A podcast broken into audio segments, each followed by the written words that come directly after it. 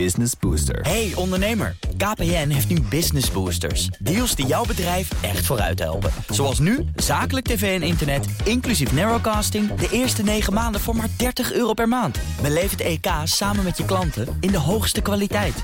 Kijk op kpn.com slash businessbooster. Business Booster. Er studeren steeds meer internationale studenten aan universiteiten in ons land. En vooral de gestage toename van Chinese studenten valt op. Dit jaar, als je het vergelijkt met 20 jaar geleden, zijn het er 25 keer zoveel.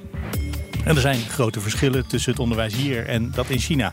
Het kwam al eens ter sprake in een eerdere aflevering van deze podcast. En dat is alle reden om er nu eens een hele aflevering aan te wijden. In deze China-podcast is daarom de vraag: wat kunnen wij hier leren van het onderwijs in China? Mijn gasten zijn Vincent Brusset, student Azië-studies, actief ook bij het Leiden Asia Center, onze sponsor. En Netherlands Asia Honors Summer School, daar is hij ook actief. En eh, de andere gast is Xi Zheng, docent Chinees, geboren in China, maar al sinds 1996 hier, hè? Ja, je knikt instemmend, maar voor een podcast moet je praten. Ja. Ik ben Mark Beekhuis en deze podcast wordt mede mogelijk gemaakt door het Leiden Asia Center. Uh, Vincent, ik wil bij jou beginnen. Je hebt uh, in China gestudeerd, je komt vanaf hier. Uh, welk vak heb je daar gedaan? Heb je eerst hier gedaan en ben je toen daar extra vak? Hoe werkte dat? Um, ik ging op uitwisseling naar mijn universiteit, heette Beijing Taal en Cultuuruniversiteit. dus ik heb daar dus ook vooral taal gedaan. Dus dan kom je meteen wel in een, nou ja, eigenlijk niet-Chinese klas terecht. ik heb ook op Tsinghua University, ook in Beijing, heb ik een zomerschool gevolgd. Uh, en op die zomerschool was het wel een veel breder vakkenaanbod eigenlijk.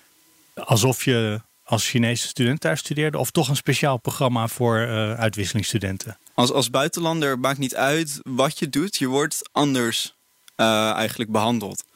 Alleen als je gewoon kijkt naar hoe de Chinese studenten wonen, als buitenlander krijg je echt mooie accommodatie. Hoef je vaak maar met één iemand te delen, of überhaupt niet dan je kamer. Uh, terwijl Chinezen echt gewoon in, in kamers van nou, acht vierkante meter met z'n vieren slapen. Uh, dus alleen al daarop, als buitenlander word je gewoon anders behandeld. Waar je ook vandaan komt, wat je ook doet. En zo gauw jij zegt, als buitenlander word je anders behandeld, gaat bij Xi meteen een grote glimlach. Is dat herkenning? Of ja, is dat, is heel erg uh... herkenning. Daar zijn we heel erg jaloers voor. ja. ja, want oh, okay. ik studeerde natuurlijk veel eerder. Zeg, ik denk 25 jaar geleden in Shanghai. Toen zaten we nog met zeven, dus zeven meisjes in één kamer. Maar wel meer dan acht vierkante meter. Nou, dat mag ik hopen, want dat is echt wel heel erg uh, Spartaans. Ja, ik vond het wel superleuk. Ja, zo gezellig dicht op elkaar te zitten. Ja, ook dat de meisjes er van de andere kant van China. Dat is heel leuk, echt. Ik vond het ook super raar dat de Nederlandse uh, studenten elke week naar huis gaan. Dat is ook... Oh. Dat is raar. Ja, want wat doe je? Oh, je blijft op je kamer gewoon met z'n allen? Ja, want het is zo ver, duizend kilometers. Dus dan gaan we zo één à twee keer per jaar naar huis. Zoals jij natuurlijk uit China ook niet steeds terugkwam naar Nederland. Nee, precies. Het, uh... het is even lang reizen eigenlijk. Of zelfs langer inderdaad, als je met slaaptrein moet. Ja, wat, wat voor soort uh, lesstof kreeg je daar? Leek dat op wat je hier in Nederland gewend was? Want jij deed hier Azië-studies. Ja, je merkt toch wel altijd dat er iets van politiek ligt als je politiek studeert in China. Ja, als je, een, je krijgt zo'n studieboek van dit zijn de boeken voor het komende trimester of semester. Zie je meteen, dit is Chinees. Ja, behalve natuurlijk dat het volledig in het Chinees geschreven is. Maar herken je meteen aan de stof ook of aan de indeling van de hoofdstukken, aan de aanpak, dat het Chinees moet zijn? Um, nou ja, ik kreeg sowieso geen tekstboeken. Het waren dan meer gewoon artikelen die we moesten lezen.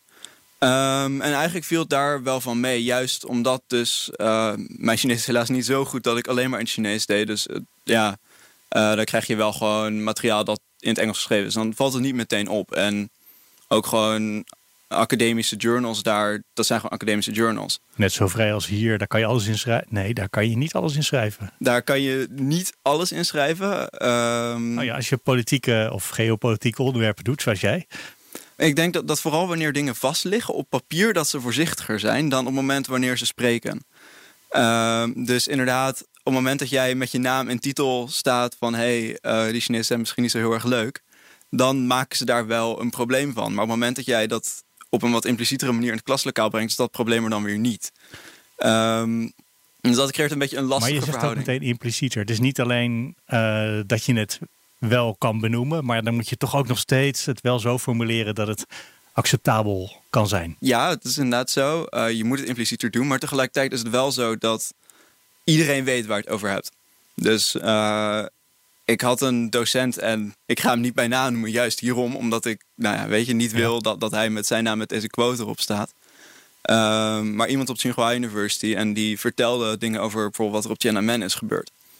En dat noemde hij niet expliciet. Hij zei van, ehm, ja, weet je, in dat jaar 1989, uh, eh, ja, weet je, er zijn dingen gebeurd en hij beschreef een beetje hoe hij dat uh, had gevoeld. Hij beschreef niet wat er was gebeurd. En hij zei dan ook expliciet, er was dan voor een groep van 200 studenten, van dat, dat hij het er best wel graag meer over wilde hebben, maar dat, het dan, um, dat hij dat meer in een private setting wilde doen. Dus dat als we meer wilden weten, dat we vooral naar de les op hem af moesten komen. Um, dus dat is wat ik bedoel met dat meer impliciete. Zie, jij hebt natuurlijk daar gestudeerd en hier gestudeerd. Wat heb je daar gestudeerd? In Shanghai heb ik Engels gestudeerd. Engels. En ja, toen dus dacht je daarna, dan kan ik naar uh, Delft, Europa, uh, naar Delft. Maar daar spraken ze helemaal geen Engels nog toen. Dus het eerste half jaar was een Nederlander zoals jij. Hè? Alle Nederlands wordt alleen maar helemaal in Nederland gegeven. En hier heb je in Delft wat gestudeerd? Uh, industrieel ontwerpen. En dat is natuurlijk een totaal ander vak, Engels of industrieel ontwerpen. Dus kan, kan je dat vergelijken, het Chinese en het Nederlandse systeem naast elkaar? Beetje wel. Ja? Want ik heb daarna ook uh, taalwetenschappen hier bij de VU gestudeerd. Dus dan taalwetenschappen en Engels is meer vergelijkbaar. Want dat is meer theorie leren. Maar steeds zie ik wel meer praktijk in Nederland. Dus we hebben meteen andere casus over bijvoorbeeld mensen taalproblemen hebben. Dus ik weet niet hoe taalwetenschappen in China is, maar ik vermoed dat er meer theorie leren. Dus niet zo snel in de eerste jaar al een casus hebben. Uh, maar in de praktischer. De universiteit is Ja, is veel, veel praktischer. Uh, tegelijkertijd vind ik ook uh, iets minder persoonlijk. vooral in industrieel ontwerpen, want dat is een hele grote faculteit. Dus het eerste jaar hebben we meer dan 300 studenten toen. drie Chinezen zaten daar. En dan, ik heb altijd het gevoel, als ik er niet aanwezig zou niemand merken. Ook helemaal niet. Ik denk in China heb ik wel meer voet als een persoon. Want dan komen altijd de docenten. Er is een mentor voor jou, want wij wonen in de campus. En de deur van de professor is altijd open. Als je een vraag hebt, dan zijn ze heel blij om antwoord te geven. Terwijl hier is allemaal zo duidelijk. Als je wil professor zien, dan moet je eerst afspraken maken. ja. En ze zijn ook niet altijd leuk vinden als je vragen stelt. Want dat is een verspilling van zijn tijd, heb ik het gevoel. Uh, de extreme voorbeeld wat ik ooit gehad is, uh, was een uh, toets, eindige elementenmethode. Ik weet niet of jullie kennen. In ieder geval natuurkunde ding. Ja. ja. Ja, Een sommetje die ik niet begrijp. Dus ik ben zoals een Chinese student, ik wil alles weten. Ik ging naar hem toe, ik zei, ja, hoe moet je die som oplossen? Hij was heel boos op mij, hij zei, je hebt al negen, ben je nog niet tevreden? oh. Ja, hoe kan je, die, negen, dat laatste punt had je kunnen halen als je deze som ook gehad had. Nou, voor mij maakt niet uit. Ik wil gewoon weten eh, waarom, eh, hoe moet je die som oplossen. Voor mij negen of vier is eigenlijk echt helemaal niet belangrijk. Dus dat is puur voor studie zelf. Maar om, om misschien ook daar even bij aan te sluiten. Ik herken ook inderdaad wel dat op bepaalde niveaus het contact tussen Chinese docenten en hun studenten een stuk persoonlijker is. Allereerst vanuit mijzelf. Um, ik was dan in, in Taipei. Dus nou ja, goed, net niet uh, wat je ervan wil. Maar uh, dat dan een docent mij uh, uitnodigde om gewoon met een groep van acht Nederlandse studenten om gewoon uit eten te gaan. Mm -hmm. um, en die heeft echt gewoon zo'n enorme ronde tafel, heeft vol met eten besteld, helemaal zelf voor ons betaald. Het was ook geen goedkoop restaurant, zelfs niet voor de begrippen daar. Um, en op een enorm informele manier daarmee gewoon aan tafel gezeten. En ik kan me niet voorstellen dat ik dat ooit met Nederlanders zou doen.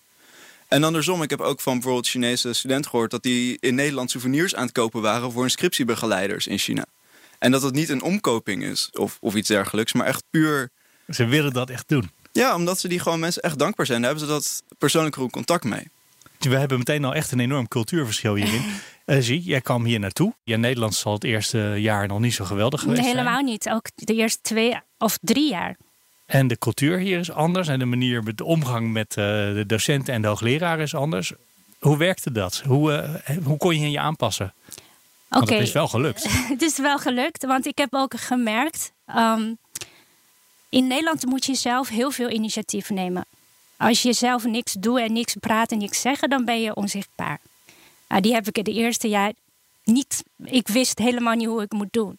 Dus ik had veel problemen met de groep werken. Want uh, industrieel ontwerpen is natuurlijk één groep werken naar de andere.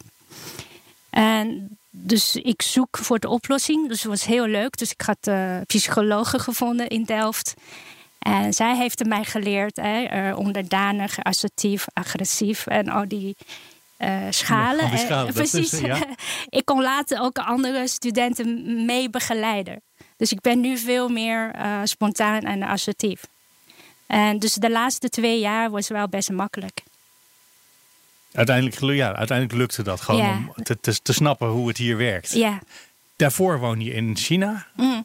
Daar heb je natuurlijk een lagere school en een middelbare school meegemaakt. Maar Ja. dat, heet het daar zo? Heb je dat zo? Ga je, hier ga je, als je vier bent, al naar de kleuterschool. Ja. Dat hele systeem, hoe werkt dat in China? Ja, oh, ik heb nu een dochter van acht jaar, dus ik kan wel goed vergelijken met de Ja? mij. eh, dus de basisschool gingen we tussen zes en zeven jaar.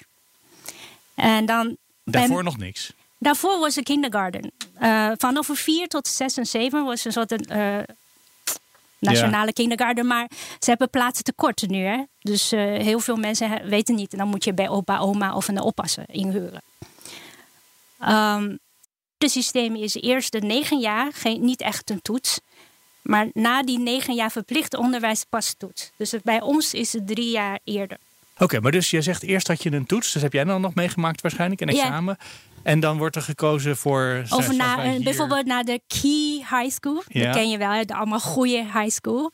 Of je haalt het net niet, dus dan ben je in zo'n beetje middenmatige high school. Maar is dat de kwaliteit van de school? Of is dat eh, VWO, MAVO eh, of eh, ja, dat is een, heel erg vergelijkbaar. Ja, of VVO, dan ben je al van plan om naar universiteit te gaan.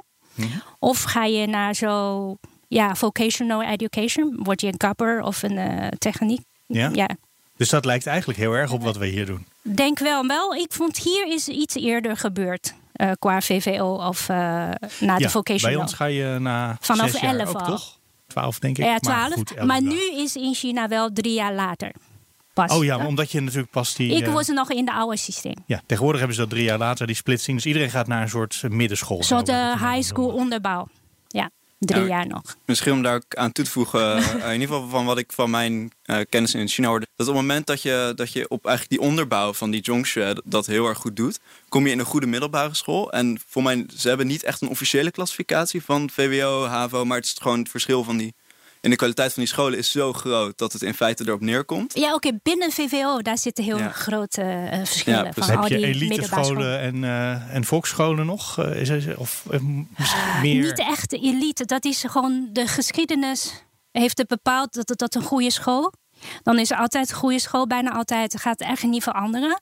Maar de slechte school heeft er wel kansen. Sommige die als ze soort uitspringen, dan wordt er wel een betere school. Maar die goede school blijven goede scholen. Ja, heb ik zo gezien. Eh, en de vakken die je daar krijgt. Eh, Wij krijgen je natuurlijk eh, nou, bij middelbare school heb je natuurkunde en scheikunde en biologie, Mhm. Nederlands, een vreemde taal, Mhm. meestal Engels, maar soms ook Duits of Spaans of Chinees trouwens tegenwoordig ook. Is dat het vakken- vakkenpakket wat je ook krijgt als je in China naar, zo'n soort VWO gaat? Ja, oh, ook, en ik vergeet al iets te zeggen over basisschool. Ja, Want hier een groot verschil is dat de één juf, of misschien twee, gaat de hele dag door. En alle vakken in de basisschool al. Ja. Terwijl in China is het identiek als de middelbare school. Dus elke vak één docent. Dus we hebben niet een vaste docent de hele dag eh, doorlopen. Of een hele week zelfs. Of een hele schooljaar.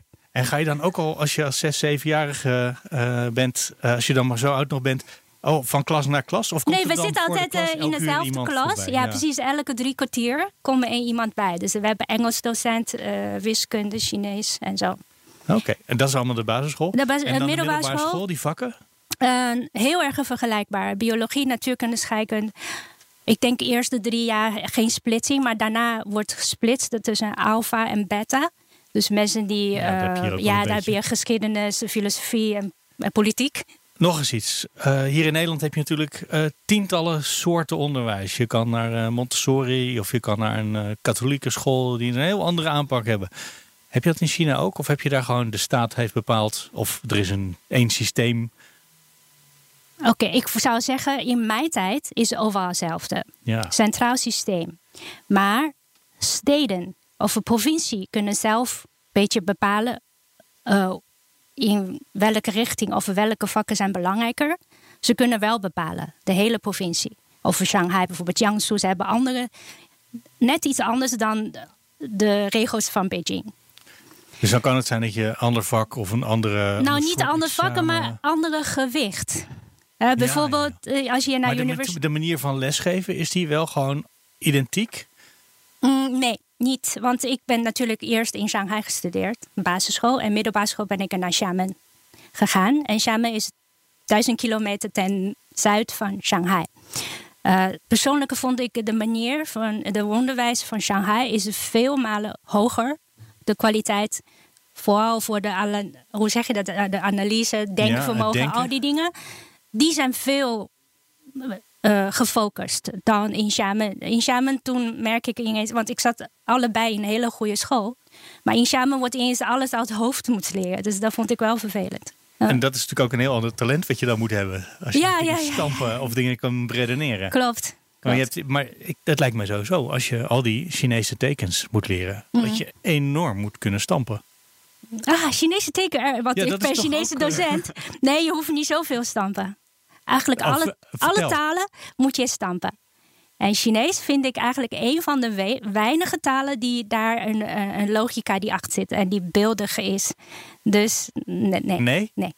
Nee. Je moet er natuurlijk stampen, alle talen. Maar, te- maar dat, de associatie was dat die woorden moet je stampen. En dat past voor mij bij het beeld van het Chinese onderwijs wat jij beschreef. Hm.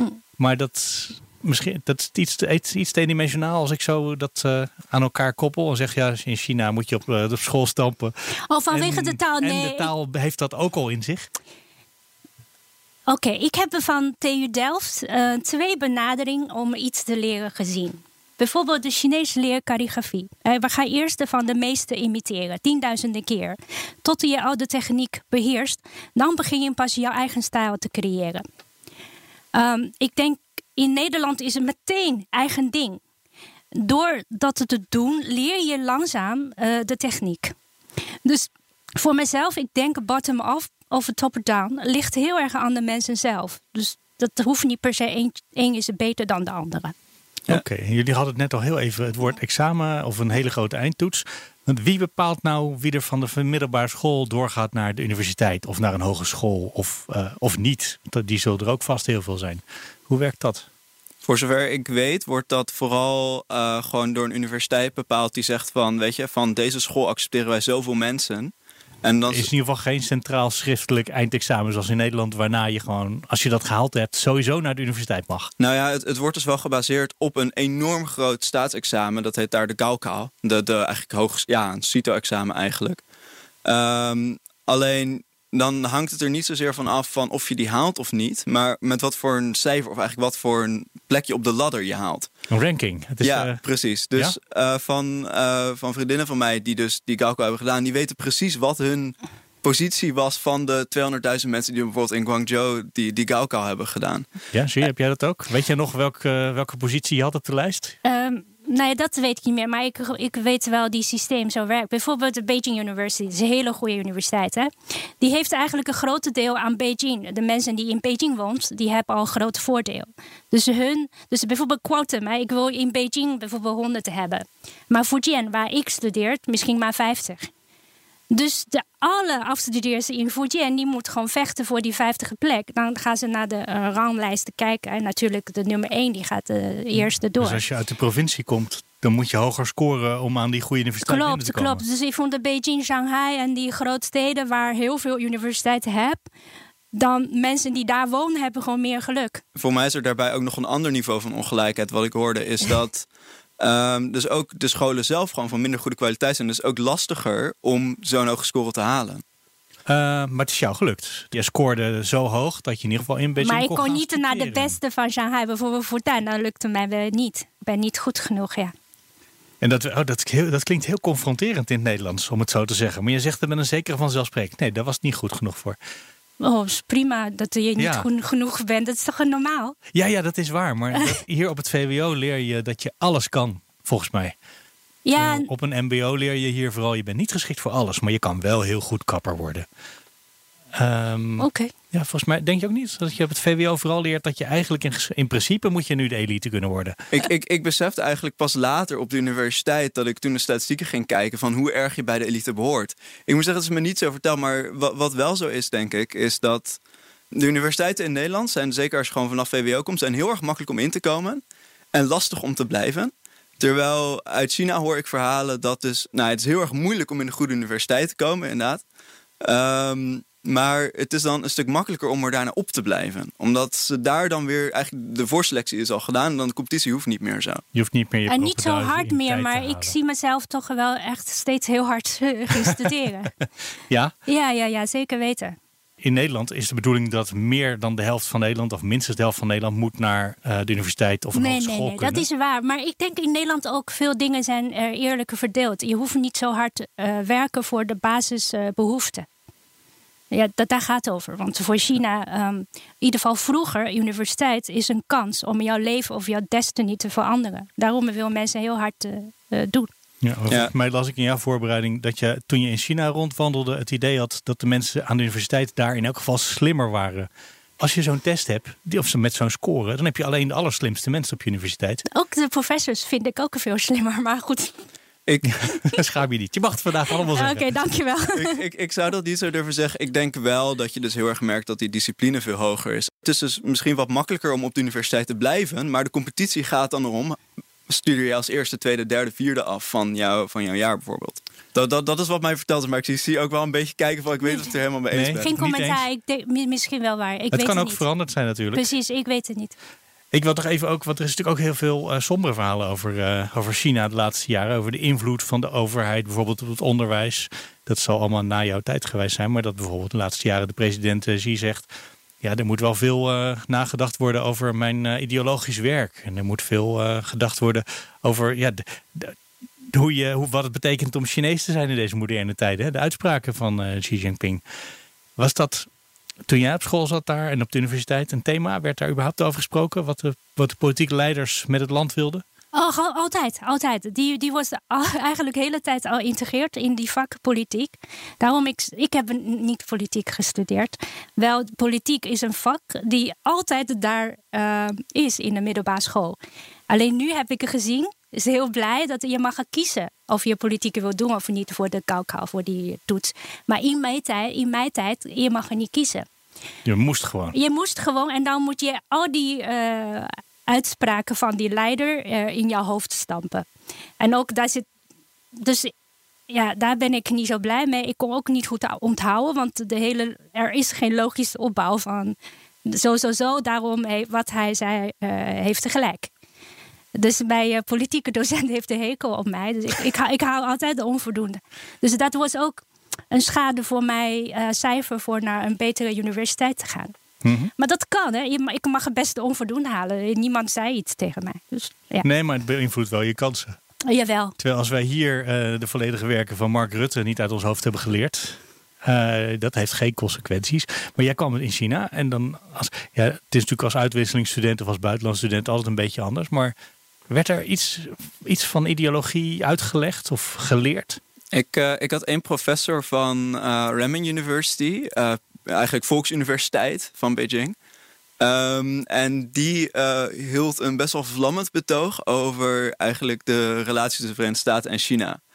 En die gaf op zich wel gewoon met data onderbouwd dus ook een verhaal over, nou ja, hij zei eigenlijk in feite van, Verenigde Staten, als jij een probleem met ons hebt, wij zullen het gevecht aangaan en wij zullen het winnen. Nu al. Niet later, nu al.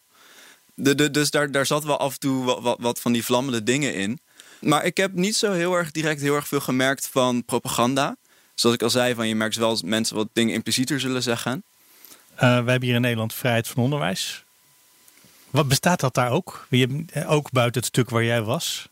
Um, ik denk dat je het eigenlijk gewoon de manier waarop China um, vrijheid van meningsuiting inperkt, of hoe je het ook wil zien, uh, dat, dat, dat je dat kan omschrijven met een, een vorm van kader. De Chinese overheid, eigenlijk van top-down, dus inderdaad vanaf Xi Jinping, die zegt van, nou weet je, we moeten meer doen aan die ideologische educatie. Dat heeft Xi Jinping inderdaad gezegd. En hij heeft daarbij dan ook een paar van die Chinese topuniversiteiten genoemd, waar dus doorgaans... Ja, tekortschoot vond hij, hè? Ja, omdat dat dus juist universiteiten zijn van, we noemden al Beijing University of Peking University, hoe je het wil noemen. Uh, waar dus heel erg veel van, nou ja, die best wel kritische dingen vandaan komen. Um, maar dan gaat het eigenlijk steeds verder naar beneden en iedereen moet het op een eigen manier interpreteren. Dus een kader en, en mensen weten niet precies waar dat kader ligt. Soms gaan er mensen overheen, soms proberen ze het kader op te rekken. Soms denkt dan de overheid van, wow, wacht even, dat kader wordt te ver opge uh, opge uh, opgetrokken. En dan gaan ze weer proberen verder naar, naar binnen Een beetje te terug brengen. te duwen. Ja. En, um, maar dat betekent, ze bemoeien zich niet actief met wat er elke dag gebeurt. Maar zo gauw het een beetje spannend begint te worden, dan gaat de overheid zich wel bemoeien met uh, hoogleraren of met ja. uh, lesstof of onderwijsmethoden. Recent was er een, uh, een professor van Tsinghua University die, die een heel erg kritisch ding had geschreven, voor mij vooral over het economische beleid van Xi Jinping. en daar is toen ook wel redelijk wat ophef over veroorzaakt. Maar die, die professor die dus die dingen over, over Tiananmen heeft gezegd, die, die is daar volgens mij nog steeds ergens gewoon in een hoge positie. Dus dat maakt dan weer niet uit. Dus ook hier is inderdaad heel erg impliciet. Het is meer een kader waarvanuit je moet denken, van een bubbel misschien ook wel. En dan kan je af en toe proberen wel flexibel mee te zijn. En af en toe wordt, wordt dan een beetje teruggeduwd. En recent, um, dat moet ik denk ik wel toevoegen, is het zo dat ze daar een stuk strenger op geworden zijn. Uh, volgens mij ja, is het... Ik heb toch ook wel ergens gelezen, ik ben even de naam van de, van de hoogleraar kwijt, maar dat er iemand die iets te kritisch was geweest, wel zijn plek kwijtraakte. Ja, ja ik, klopt. Maar daar worden ook heel veel eh, studenten hebben de handtekeningen uh, gedaan en zeggen dat dat kan gewoon niet. Maar ik heb die uh, event niet gevolgd, dus ik weet niet wat er daarna gebeurt.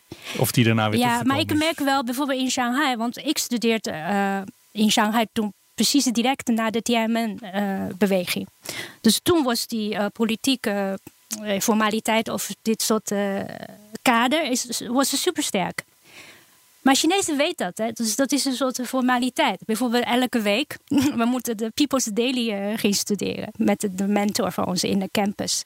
Alleen niemand neemt dat serieus. Dus uiteindelijk hebben we kranten naast ons, maar we, we deden ons eigen ding. Dus ja. Wij nemen het serieuzer dan jullie deden. Denken wel te, veel te. Wij, ja? ja? Nemen we jullie te serieus in dat soort dingen? Ja, in dat soort politieke dingen. Uh, ik denk, uh, ja, je hoort heel veel. Maar dat is niet emmer dicht of zo. We hebben echt veel ruimte om uh, te ademen en uh, ja. eigen ding doen. Ja. Ik, ik ben het daar ook echt inderdaad absoluut mee eens. Er was rondom de, het 19e Volkscongres in China was er een app verschenen waarin je kon klappen. moest je eigenlijk zo snel mogelijk tikken op die app. En dat werd dan opgevat als klappen voor Xi Jinping. want er was die vier uur durende reden toen. En het idee was dat je dus echt vier uur lang zo kon klappen. En dat werd natuurlijk gezien als in hoe die personaliteitscult er een beetje omheen is gegroeid. Behalve dat alle vrienden die ik kende die die app gebruikten, die, die, die zaten daar echt om te lachen. Als in die namen dat totaal niet serieus. Maar ze zaten het wel te doen. Ja, maar gewoon echt gewoon, ze zitten echt niet te denken, luisteren. We hebben ze eronder. Wat maakt het ons uit of ze ons serieus nemen? We hebben ze, we hebben ze in de tang. Zo, zo durf ik het niet te zeggen. Nee, maar misschien een serieuzer uh, geval is. Uh, ik had een aantal vrienden die hebben hun eigenlijk entree-toets gemaakt om bij de. Of tenminste, niet echt. Die, die wilden zich aanmelden om bij de uh, partij te komen. Heel veel studenten doen dat. Uh, ik heb onderzoek gelezen dat op sommige universiteiten 70% van de studenten zich aan wil melden om lid te worden van de partij. Dus dat kan je opvatten als, nou ja, weet je, al die studenten die zijn compleet ingedoctrineerd. Um, maar allereerst, bijna iedereen doet dat gewoon voor de economische voordelen die dat lidmaatschap biedt. Want dat maakt het makkelijker om inderdaad bij. Ja, als je in de ambtenaarswereld, dan heb je dat ook nodig om uh, zo promotie kunnen Heel te krijgen. pragmatisch. Ja, maar als je naar bedrijven werkt, dan heb je dat weer niet echt nodig. Ja, Ja. en daarbij um, een interessant feitje is dat je dus uh, elke paar maanden moet je dan een brief schrijven. En die brief, daarin leg je dan jouw ideologische voortgang eigenlijk uit, zo is mij verteld. Um, maar ik ken dus iemand die dus die brieven heeft geschreven. En die, die ging gewoon op het internet. Die downloadde gewoon zo'n ding. En die is er daarna over gaan schrijven. Want het moet overigens met de hand. En als je een karakter verkeerd schrijft, moet je dat hele blaadje opnieuw doen. Dus, dus aan de ene kant is, is het heel erg absurdistisch inderdaad. Van dat je al die dingen moet doen. Maar uh, mensen die Dat betekent reageren niet daar ook per op. se wat het zegt dat het betekent. Absoluut niet. Eh, nog eens iets anders. Want we hebben in een eerdere aflevering uh, Ardy Bauers gehad. Die, zei, die geeft les ook in China. Um, achterin het lokaal hangt wel regelmatig, of meestal eigenlijk, een, een camera. Die legt alles vast voor de zekerheid. Hebben jullie dat eigenlijk ook? Uh, dat zal misschien ook van na jouw tijd zijn, denk ik, zie. Ja, ik ja. heb het van jou gehoord. Dus ik heb daarna gegoogeld. Uh, de meningen zijn heel erg gesplitst. Ik zie dat echt uh, hotte discussie online op al die Weibo of al die websites. Dus aan één kant te denken, wauw, dat is weer die 1984, toch? De ja, Big Brother is watching you. Um, maar er zitten ook andere stromen van die ouders. Die ouders willen zelfs uh, de school sponsoren om die camera te installeren. Want ze willen eigenlijk, dus sommige ouders zien dat als een garantie voor de kwaliteit van het onderwijs. Uh, zelfde, ik heb de documentaire gezien ook van Ruben Talau hè, over die overal camera uh, in de, op de straat. Dus ik denk steeds mensen waardeert veiligheid boven op, op, privacy, zeg maar. Ja. En toch nog even, want hingen die, die camera's bij jou ook in de lokalen waar jij les kreeg? Ik, ik had een microfoon hangen. Uh, maar geen camera. Maar dat, dat was in het lokaal waar ik Chinese les zat. Dus ik bedoel, ik weet niet hoe interessant het is. Mijn microfoon is altijd. Dat is meer voor uh, oefeningen en zo. Elke kamer ja. heeft een. Ook voor aankondiging. Ja. Dat is niet echt om jou te luisteren, denk ik. Ik, ik sluit me nou. ook, ook inderdaad bij aan dat, dat je niet met zekerheid vast kan stellen dat dat is om vanuit politieke overweging. Ik denk dat er best wel gevallen zullen zijn waar dat zo is.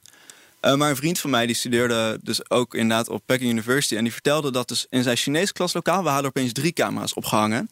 Maar in zijn politieke klaslokaal waren er geen opgehangen. Um, dus het kan, het kan ook, ook, zijn dat de ene docent uh, dat ze die gevaarlijker of spannender of interessanter vonden dan de andere. Omdat er klachten over binnenkwamen. Misschien over uh, hoe ze met studenten omgingen. Misschien over iets wat gevoelig ligt in het uh, onderwijs. Theoretisch gezien kan dat natuurlijk. Ja. Maar ik kan me niet voorstellen dat een docent geïnteresseerd zou zijn om mij niet haal te horen zeggen of, of wat dan ook. Nee, maar misschien de staat wel geïnteresseerd is in die docent. Dat is het beeld dat wij in Nederland altijd hebben daarvan, toch? Um, nou ja, ik denk dat dan het te tweede. Veel, te veel. Te veel, ja. Dat, ik, ik denk dat, dat er dan nog een tweede argument is dat gewoon ze de capaciteit niet hebben om alles te monitoren. Want het land is zo groot. Mm -hmm. Ze zijn niet digitaal genoeg om dat met artificial intelligence of wat dan ook te doen. En ik denk dat ze daar ook nog heel erg ver van af zitten om dat te kunnen doen. Um, dus het zou kunnen zijn dat ze inderdaad in een paar specifieke gevallen echt mensen specifiek zeggen van weet je, jou moeten we in de gaten houden. Maar ik denk dat doorgaans het misschien afschrikwekkend kan zijn. Dat gewoon die camera's hangen. Dat, dat ze gewoon een beetje live feed uh, sturen. Maar dat ze niet echt vaak terugbekeken worden. Ja, dat was wat Ardi uh, zei. Ja. Uh, die zei, nou, dus we hebben het niet over channel Nou, dat, dat ben ik soms niet, wel. niet mee. Ik weet niet hoe daar bij big data werkt. Want nu niet alleen maar Chinese overheid. Eigenlijk alle commerciële bedrijven zijn, heeft de belangstelling in big data. Dus al de camera kan al die visual expression en zo. Dus al die big data wordt uiteindelijk uh, ingevoerd aan de artificial intelligence. Dus dat is niet alleen maar China overal camera hangen. De data wordt in gebruik van gemaakt. Ik denk in westerse wereld is net zoveel. Alleen niet in de leslokaal, maar misschien in oude winkels. Ja, er is nu tegenwoordig een, er zijn een aantal scholen in, uh, in China die hebben inderdaad die, die kunstmatige intelligentie ingevoerd. Uh, maar dat wordt dan gebruikt om uh, gewoon bij te houden hoe het in het klaslokaal gaat. Het is geen politieke doelen. Aanwezigheidsregistratie en zo. Uh, inderdaad, aanwezigheidsregistratie. Oh, hoe, hoe, hoe, interessant de les is. Ze zeggen Precies, echt ja. emotioneel. kijk, jouw emotie en zo. Ja. Wanneer is het heel spannend. Vallen de leerlingen in slaap? Ja, precies dat. Ja, je moet, anyway. je moet je natuurlijk afvragen of je dat Ja. wil. En het kan ook zijn dat bijvoorbeeld je participatiecijfers afhangen van hoe de camera heeft geregistreerd dat jij meedoet. Zulke soort dingen kunnen Maakt allemaal. natuurlijk ook uit of zo'n docent zelf zegt... ik wil graag gewoon dat mijn les spannend is. Laat ik eerst zo'n systeem Ja. in mijn klas neerzetten. Of dat de overheid zegt, wij willen dat jouw les spannend is. Eh, laten wij een camera in jouw camera ophangen. Nou, in ik, jouw ja, ik, ik denk dat je dan dus hier terug moet kijken naar dat dus de overheid niet direct zegt jij moet camera's ophangen, maar dat het, het dus van boven naar beneden gaat. En op een gegeven moment moet de universiteit zelf beslissen of zij die camera's op willen hangen. Ehm, en ik heb letterlijk artikelen gelezen dat mensen zich afvragen van weet je dat ze eigenlijk moeten kiezen voor of de Gaokao goed doen of gewoon voor mijn, voor mijn welzijn. En dat dat gewoon afwegingen eh, zijn die door sommige ouders gemaakt worden.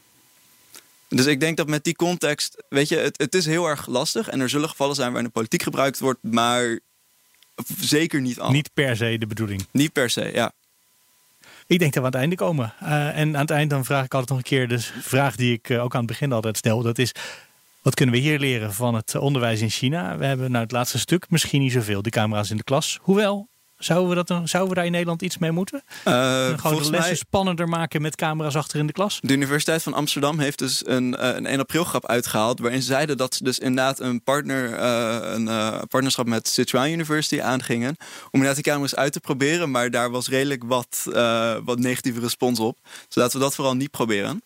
Ehm, mijn, mijn belangrijkste ding is denk ik dat, dat in China het systeem is in theorie, in de praktijk niet, maar is zo dat het iedereen gelijke kansen geeft. En dat is een discussie die wij nu in Nederland hebben, dat bijvoorbeeld op de lagere school, op het moment je de schooladvies krijgt, dat dat best wel tegen bepaalde minderheden is gericht. En dat dat best wel gewoon daar die, die, die bias, dat daar best wel gevolg op kan zijn.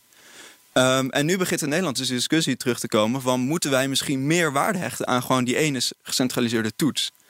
Ehm, en China doet, doet dat al en daar zijn hele hoop problemen mee. Maar misschien dat we ook moeten gaan overwegen om dat meer te doen, denk ik. Uh, persoonlijk ben ik het niet mee eens. Ik ben meer voor een Nederlands systeem dat uh, de docent uh, beschrijft wel en de toets heeft een minder waarde. Want uiteindelijk gaan we leren voor de kennissen zelf, niet voor de cijfer. Wat jij net zei, uh, zou kunnen leren hier in Nederland, is meer contact en een beter contact tussen docenten en professoren. Ja, meer en samen studenten. dingen doen, elke feestje houden en een, ja, niet zo uh, zakelijk. Ja. Ja. Daar sluit ik me ook absoluut bij aan als, als concluding remark. um, in, uh, in, in China uh, moesten wij onze docenten toevoegen op WeChat. En WeChat is de, de, eigenlijk de WhatsApp, WhatsApp daar. Ja. Het is een beetje een Zwitsers wakkenmes, maar het is ook WhatsApp.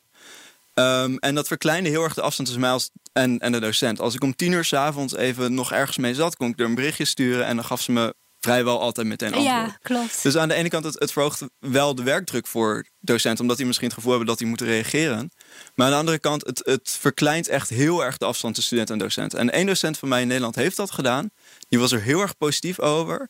Hij zei echt van, weet je, um, die leerlingen doen dat alleen maar als er echt een ding is. En dat werkt je weet ook goed. dat het tien uur s'avonds is natuurlijk, ja. En, en die, heeft, die heeft natuurlijk dan ook op een gegeven moment gezegd van... ik reageer niet in de weekend. En dan heeft hij gewoon voor zichzelf afgesproken. ja. Doe jij dat ook? Want jij geeft ook uh, les op het ogenblik. Ja, ja, ja, zeker. Ik geef ook altijd een Al je WhatsApp. studenten allemaal op de WhatsApp? Ja, ja. Als ze vragen hebben, dan beantwoord ik als ik dat zie. Kijk, nou, dat hebben we hier dan al een beetje geleerd. Ik ga jullie allebei heel hartelijk danken, want we komen aan het einde van de China-podcast. Uh, mijn gasten Vincent Prusé en Ji Zheng. Deze podcast wordt mede mogelijk gemaakt door het Leiden Asia Center. Abonneer je meteen even. Je vindt ons in je eigen podcast-app, in Spotify, in de BNR-app. En natuurlijk op bnr.nl slash China-podcast. Wil je reageren? Dat kan dan weer via podcasts.bnr.nl. Over twee weken zijn we er weer. Tot dan.